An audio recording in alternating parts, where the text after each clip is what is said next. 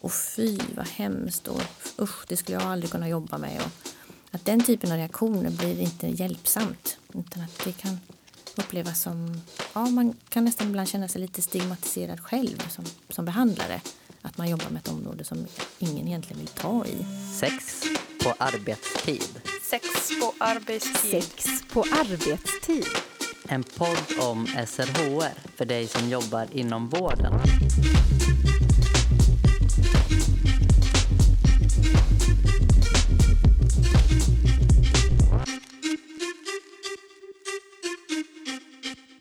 Metoo-hösten för två år sedan vittnade tusentals psykologer om den enorma mängd berättelser om sexuella övergrepp som de hört i sitt arbete. Många av dem hade hört så många berättelser att de inte ens kunde räkna dem. I det här avsnittet så ska vi prata om vad det kan göra med en som behandlare att lyssna på berättelser om sexuella övergrepp och hur man tar hand om sig själv för att hålla ett helt arbetsliv. Och vi som gör sex på arbetstid idag är jag, Anna Skoglund och min kollega Jennifer C. Med oss idag är Lotta von Menzer som är gäst i podden för andra gången. Välkommen hit Lotta. Tack så mycket. Förra gången som du var här så pratade vi om sex som självskada. Eh, men idag så ska vi prata lite om andra perspektivet kan man säga. Nämligen behandlare som arbetar med personer som har varit utsatta för sexuella övergrepp. Eh, men innan vi, vi, vi, går in på det så kanske vi kan, om du kan berätta lite vad du arbetar med till vardags.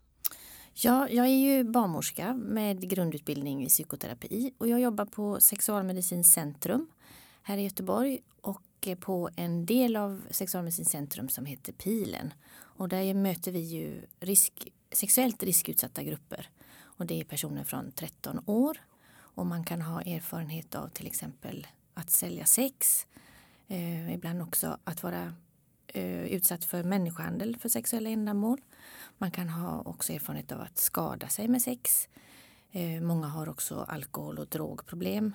Men det som, är mest, eh, som man har mest gemensamt det är erfarenheten av sexuella övergrepp. Och de flesta vi möter har också upprepad erfarenhet av sexuella övergrepp. Vilken hjälp kan man få hos er? Vi eh, försöker arbeta ut efter en traumamedveten omsorg på så sätt att vi det ska vara lätt att komma till oss. Vi har lång, försöker avsätta en timme för varje besök och att man kan få hjälp med psykoedukation, alltså få information om kanske sina reaktioner och att man kan förbereda undersökningar och så. Men eh, vi kan ju också erbjuda eh, vanligt så att säga barnmorske barnmorskeservice med preventivmedel och provtagning och så. Men också samtal kring de erfarenheterna man har. Sen har vi ett väldigt stort nätverk av samverkanspartners som vi också då kan både hänvisa till men också samverka kring en person på olika sätt. Vilka är det? Det är bland annat då beroendevården. Med, för de unga är det ju de tre olika Mini-Maria-mottagningarna men också avgiftningsavdelningen på Östra sjukhuset, avdelning 306. Men också beroendevården eh, för vuxna som substitutionsmottagningen och sprututbyte till exempel. Eh, vi har också ett nära samarbete med MIKA-mottagningen Göteborgs stad. Eh, så att det är väl, eh, ja, och många andra, många också HVB-boenden, kvinnojourer och så vidare som kan eh, hänvisa personer till oss och som vi också då kan samverka med.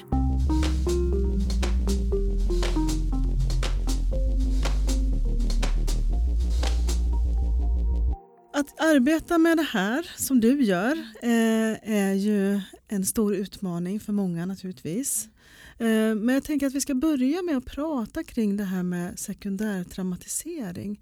Att, att reda lite i det begreppet, vad, vad det handlar om. Mm, man kan ju säga att sekundär traumatisering är en beskrivning av i grund och botten helt normala reaktioner på att man har blivit eh, exponerad Eh, kan man säga för någon form av traumatiskt material. Det kanske låter krångligt men man, antingen har man ju varit med om en traumatisk händelse själv eller så blir man exponerad för den indirekt så att säga. Att man får höra eh, personen berätta om vad den har varit med om. Och man kan på många sätt reagera väldigt likartat. Att genom att lyssna på någons traumatiska berättelse eller att vara med i den själv. Och eh, det kan vara en enda berättelse eh, som gör att man kan reagera ehm, som man kan kalla sekundär traumatisk stress. Och eh, det har nästan identiska symptom som posttraumatisk stresssyndrom eller akut stressreaktion. Alltså att man kan drabbas av, av ångestkänsla, man kan få mardrömmar efteråt, flashbacks och eh, känna sig påverkad av den berättelsen som man fick höra. Sen kanske för de allra flesta att detta lägger sig sen efter en tid och att man, man kanske inte blir någon långvarig påverkan av det. Men det finns också eh, situationer där de här symptomen kvarstår under en längre tid. Och då kan man också kalla det för sekundär eh, traumatiskt stresssyndrom.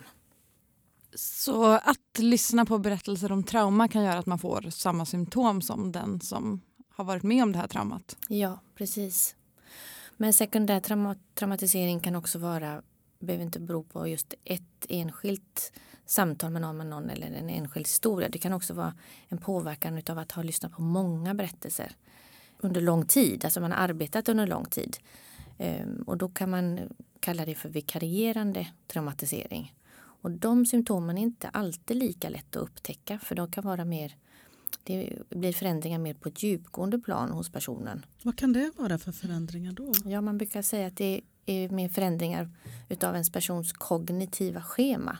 Och då innebär det att det blir förändringar på ens persons eh, självkänsla, eh, tillit, eh, intimitet och även ens persons minne. Så att om inte de här förändringarna tas om hand så kan de bli permanenta. Så att det är både personal som kanske är nya och inte riktigt förberedda på att lyssna på någon väldigt, väldigt hemsk historia som kan drabbas. Men också de som har jobbat väldigt länge. Vi pratar mycket kring utmattningssyndrom eller utbrändhet och många människor drabbas av det. Finns det någon skillnad eller hur förstår vi skillnaden på sekundär traumatisering, olika grader här och en utbrändhet?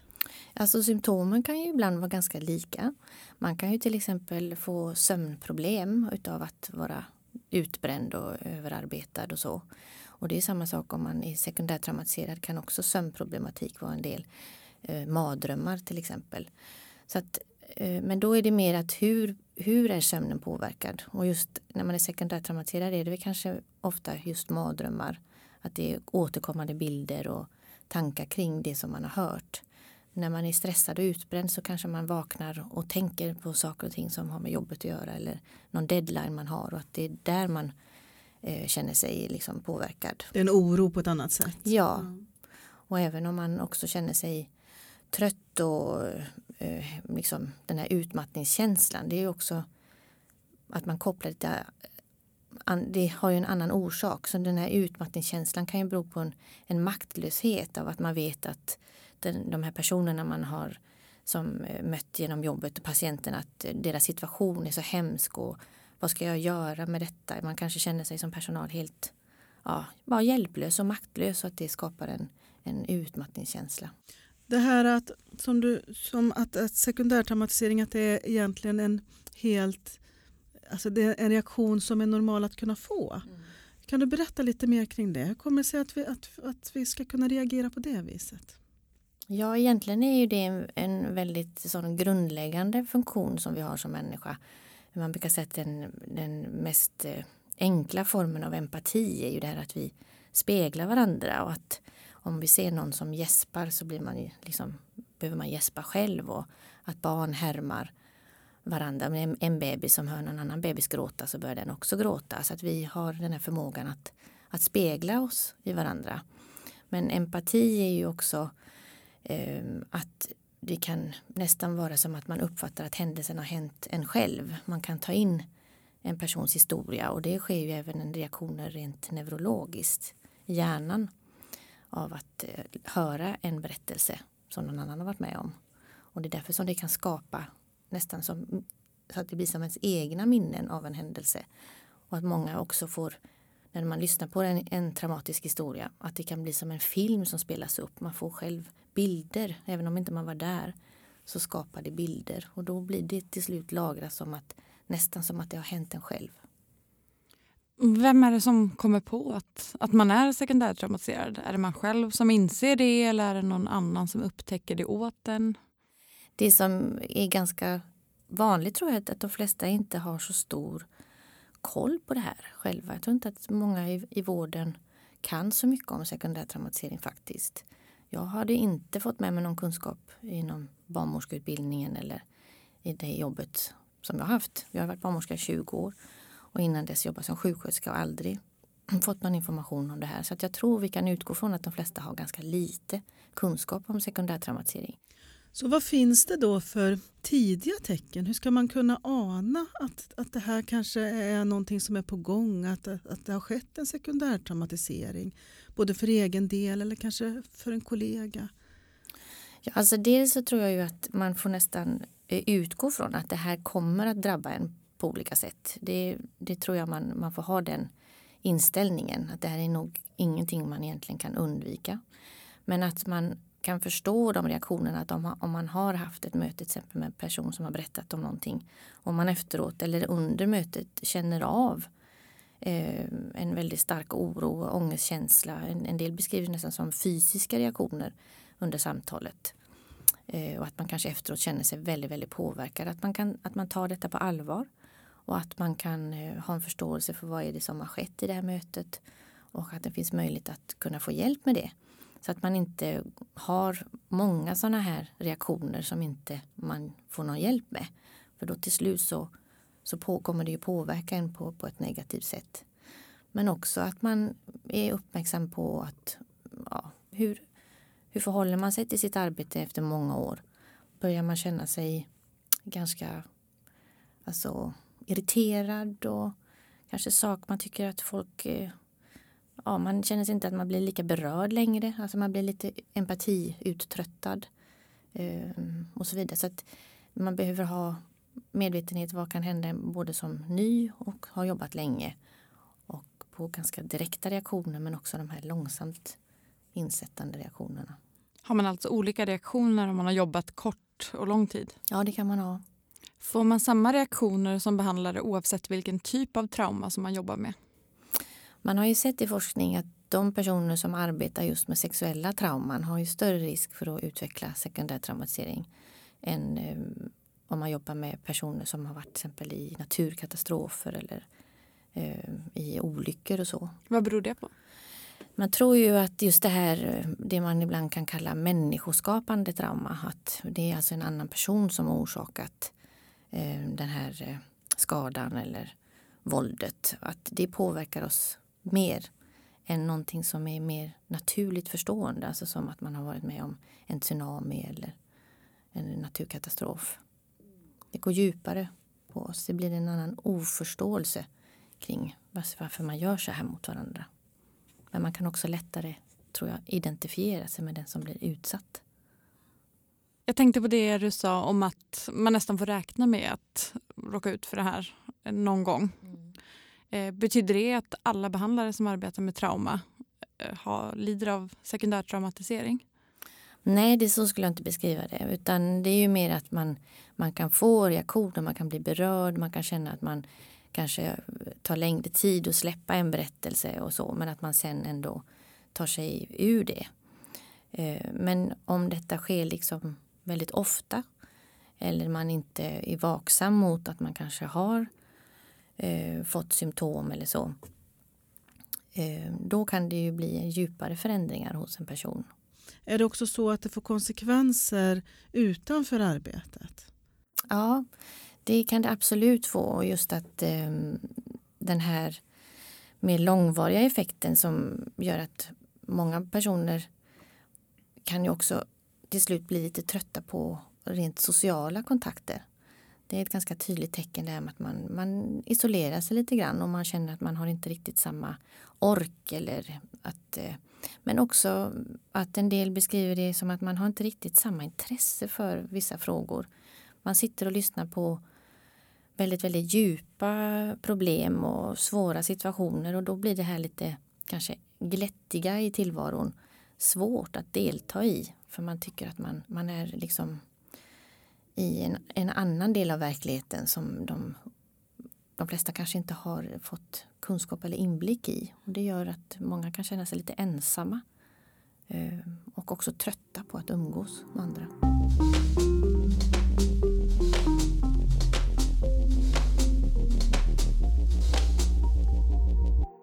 Men du, du har ju också studerat och forskat det här lite närmare på, eh, och skrivit om sekundärtraumatisering. Mm. Skulle du kunna tänka dig att berätta lite om det arbetet du har gjort? Mm, absolut. Jo, som en del i det här att jag kände att jag behövde själv skaffa mig lite mer erfarenhet och, kring det här ämnet så gjorde jag en studie förra året, 2018. Och då ville jag höra just hur behandlare som jobbar med specifikt sexuellt traumatiserade personer, hur de upplever sitt arbete. Så då åkte jag runt i Sverige och träffade elva stycken behandlare. Eh, alla var kvinnor, men de hade olika yrkesbakgrund. Så det var blandat barnmorska, socialarbetare eller socionom eh, och psykolog. Eh, men de hade väldigt mycket erfarenhet kring det här. De hade jobbat från två och ett halvt år till 32 år. Så tror medelsnitt arbete med sexuellt traumatiserade var åtta år. Så att jag gjorde eh, semistrukturerade intervjuer. Vad fick du för resultat? Var det som du trodde? Eh, jag hade nog inte så mycket förutfattade meningar om hur det skulle bli men jag, det var ganska tydligt att det blev vad man kan säga paradoxa upplevelser som de hade. Alltså att på ena sidan så hade de mycket som de tyckte var väldigt givande och liksom faktorer som de upplevde hjälpte dem i arbetet. Men det var också ett flertal faktorer som de upplevde som verkligen försvårade arbetet och som också var, gav en riskökning för sekundär traumatisering. Kan du ge några exempel på vad som både är, är hjälpsamt och vad som är försvårande? Mm. Nästan alla av de här behandlarna beskrev ju att den här eh, ökande öppenheten i samhället som då är väldigt starkt kopplat till metoo-kampanjen. Att den öppenheten och den ökade medvetenheten i samhället den har ju verkligen varit hjälpsam också för deras del. Och de beskrev det som att det här blir som en, att det blir som en delad börda att när fler och fler förstår hur vanligt problem detta är och vilka konsekvenser det kan ge så blir det inte så ensamt som behandlare. Ehm, så det tyckte de var en väldigt, väldigt viktig del. Och också för de behandlarna som hade egna personliga erfarenheter av sexuella övergrepp att den ökade öppenheten hjälper ju också dem att i större utsträckning kunna prata om det här. Men sen så var ju också trygghet på arbetsplatsen och trygghet också i att känna att jag att man kan, att man har kunskap tillräckligt om trauma och sexuella trauma specifikt. Eh, så att trygghet i, i, i det, egen erfarenhet och kunskap men också från sina närmsta kollegor är jätteviktigt. Och att ha handledning var ju en sån här absolut nödvändig faktor. Sen sa ju alla att det här är ett jättemeningsfullt jobb. Otroligt motiv starkt motiverande faktor. Att de kan verkligen göra skillnad för många människor man ser bra resultat av behandlingarna. Så det var väldigt viktigt. Och sen att man håller sina professionella gränser var jätteviktigt. Vad innebär det? Vad kan professionella gränser innebära?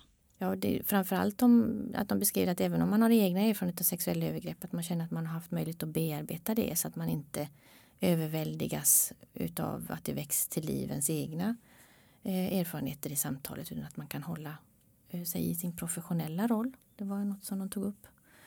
Ehm, men också att lämna jobbet på jobbet och sen kunna gå hem och vara privat.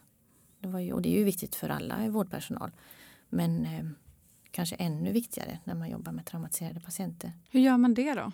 Ja, de beskrev ju att de hade en hel del sådana här själv egenvårdsstrategier. Att de, många eh, tyckte ju att det här att yoga och mindfulnessövningar var väldigt hjälpsamt.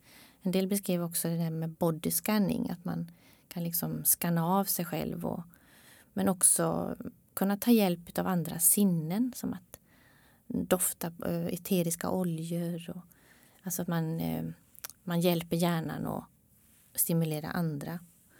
Eh, man kanske tar en promenad, man kanske går och tittar på något vackert och man får lite en annan input så att säga. Du nämnde ju hjälpsamma faktorer, men vilka försvårande omständigheter såg du? Mm. De uttryckte ju att fastän den här ökande öppenheten var en hjälp så, så kunde de ju ändå känna att det är fortfarande väldigt mycket tabu och mycket rädsla och okunskap när det gäller sexuella övergrepp. Och det, att arbeta liksom mot det här tabut, det var en jätteförsvårande faktor för dem. Från vilket håll upplevde de det här tabut? Ja, i samhället i stort men också gentemot ibland andra vårdgivare, alltså andra vårdkontakter. Att de liksom fick höra patienterna berätta att det var svårt att få vård. Många har liksom sökt eh, hjälp för övergrepp under lång tid och inte lyckats med det. Att eh, man kanske ibland har vänt sig eh, till någon vårdgivare för något problem och så har man sagt att det här det är, inte, det är inte vårt bord eller det här kan vi inte vi ta här. Och att man, man märker av den här oviljan att vilja prata om sexuella övergrepp och vilja ta i det. Men också det här att den här oförståelsen att kunna, när man sitter och lyssnar på de här berättelserna om, om övergrepp och våld och att eh, det är väldigt, väldigt svårt att kunna förstå de som gör det. Ehm, och den, de starka känslor som väcks upp gentemot att hur kan andra människor göra så här mot varandra. Att eh, den oförståelsen och att det är väldigt svårt att hitta en, en förklaringsmodell kring varför, varför gör vissa personer så här. Eh, det är en riskfaktor i sig. Så att, att sätta mer fokus på varför människor blir förövare. Det tror jag är jätteviktigt. Finns det andra faktorer på en, en arbetsplats som kan vara försvårande? Ja, alltså en annan sån här faktor som de nämnde var just att eh, de också upplevde ibland misstro från andra kollegor. Och framförallt kanske arbetsplatser där man inte är så många behandlare som jobbar med den här patientgruppen.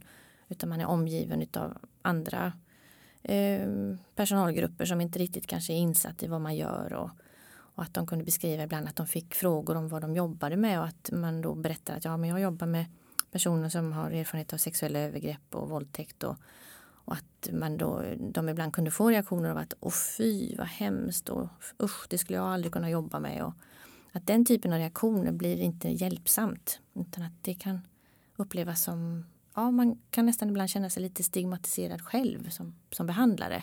Att man jobbar med ett område som ingen egentligen vill ta i. Så den typen av misstro var inte alltid så lätt.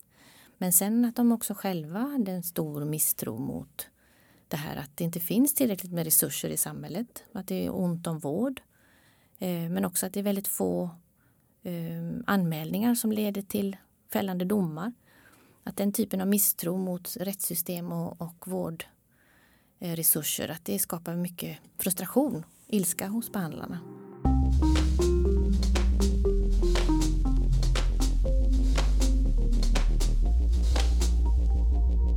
När man jobbar med trauma och spe speciellt sexuella trauma så kan man ju göra det på många olika platser eller inom olika verksamheter.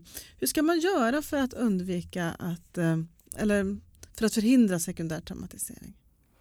Ja, alltså jag tänker att framförallt att personalen får en grundläggande kunskap och att chefer och ledning också blir medvetna om det här. Att vad är det för målgrupp vi har vad är det för specifikt för specifika riskfaktorer som vi har på den här arbetsplatsen. Och jag tänker lika väl som att man jobbar på en arbetsplats där man blir utsatt för asbest så får, behöver man ha vissa liksom, skyddsåtgärder för det. Och jobbar man med traumatiserade personer och svåra sexuella övergrepp till exempel. Att, ja, vad har vi för riskfaktorer för personalen när det gäller detta? Att man tänker kring sin specifika eh, personalgrupp och de specifika frågorna man jobbar med.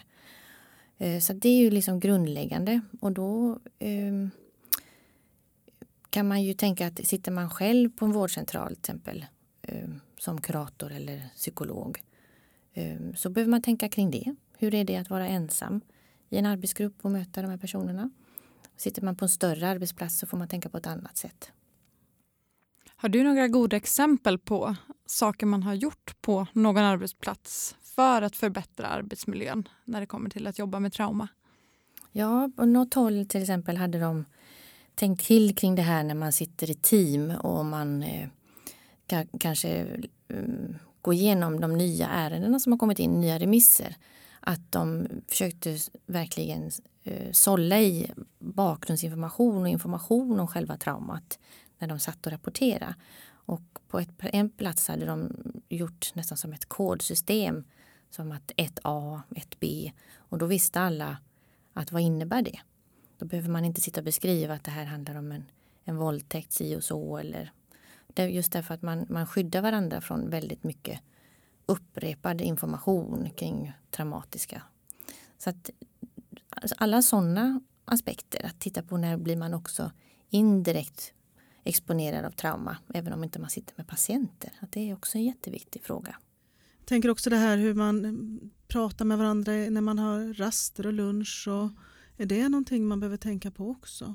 Absolut. Att det är ju, när man jobbar med patientgrupper där det är en väldig gränslöshet, alltså det här med sexuella övergrepp och våldtäkter är ju ytterst en, en gränsöverskridning och en väldig gränslöshet. Och när man möter det så behöver man själv tänka väldigt, både på det som vi pratade om förut med gränserna, de, sina egna professionella gränser, men också gränser i strukturen på arbetsplatsen.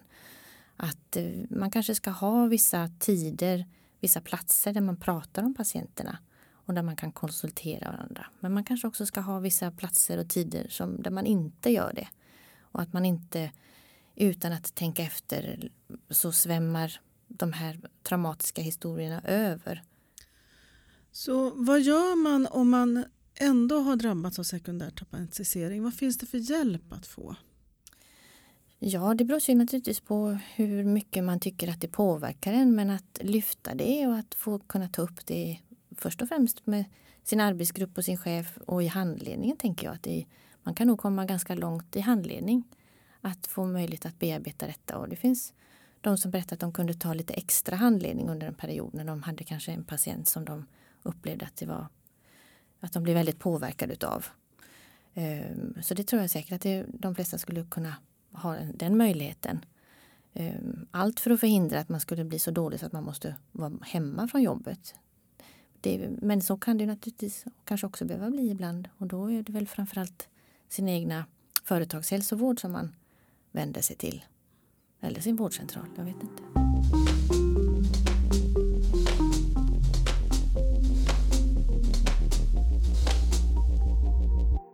Vi brukar ju avsluta varje avsnitt eh, av Sex på arbetstid med tre tips. Och nu är vi ju nyfikna på att höra vad har du med dig för tre tips idag Lotta?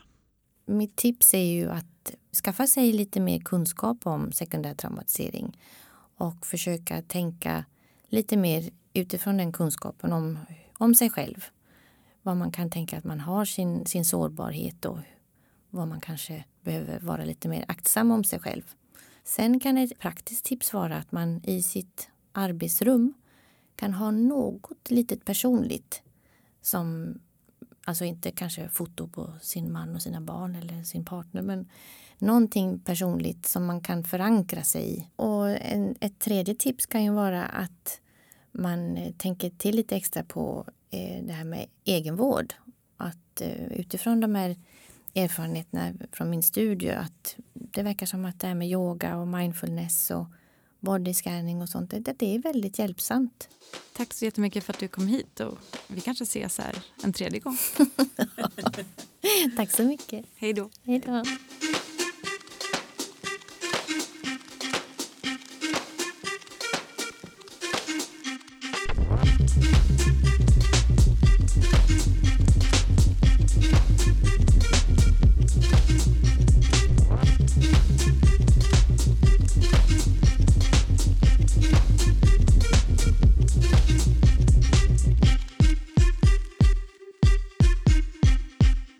Hört Sex på arbetstid, en podd av och med Jennifer C, Elin Klingvall och Anna Skoglund på Kunskapscentrum för sexuell hälsa, en del av Västra Götalandsregionen. Sex på arbetstid produceras av Malin Holgersson på uppdrag av Kunskapscentrum för sexuell hälsa.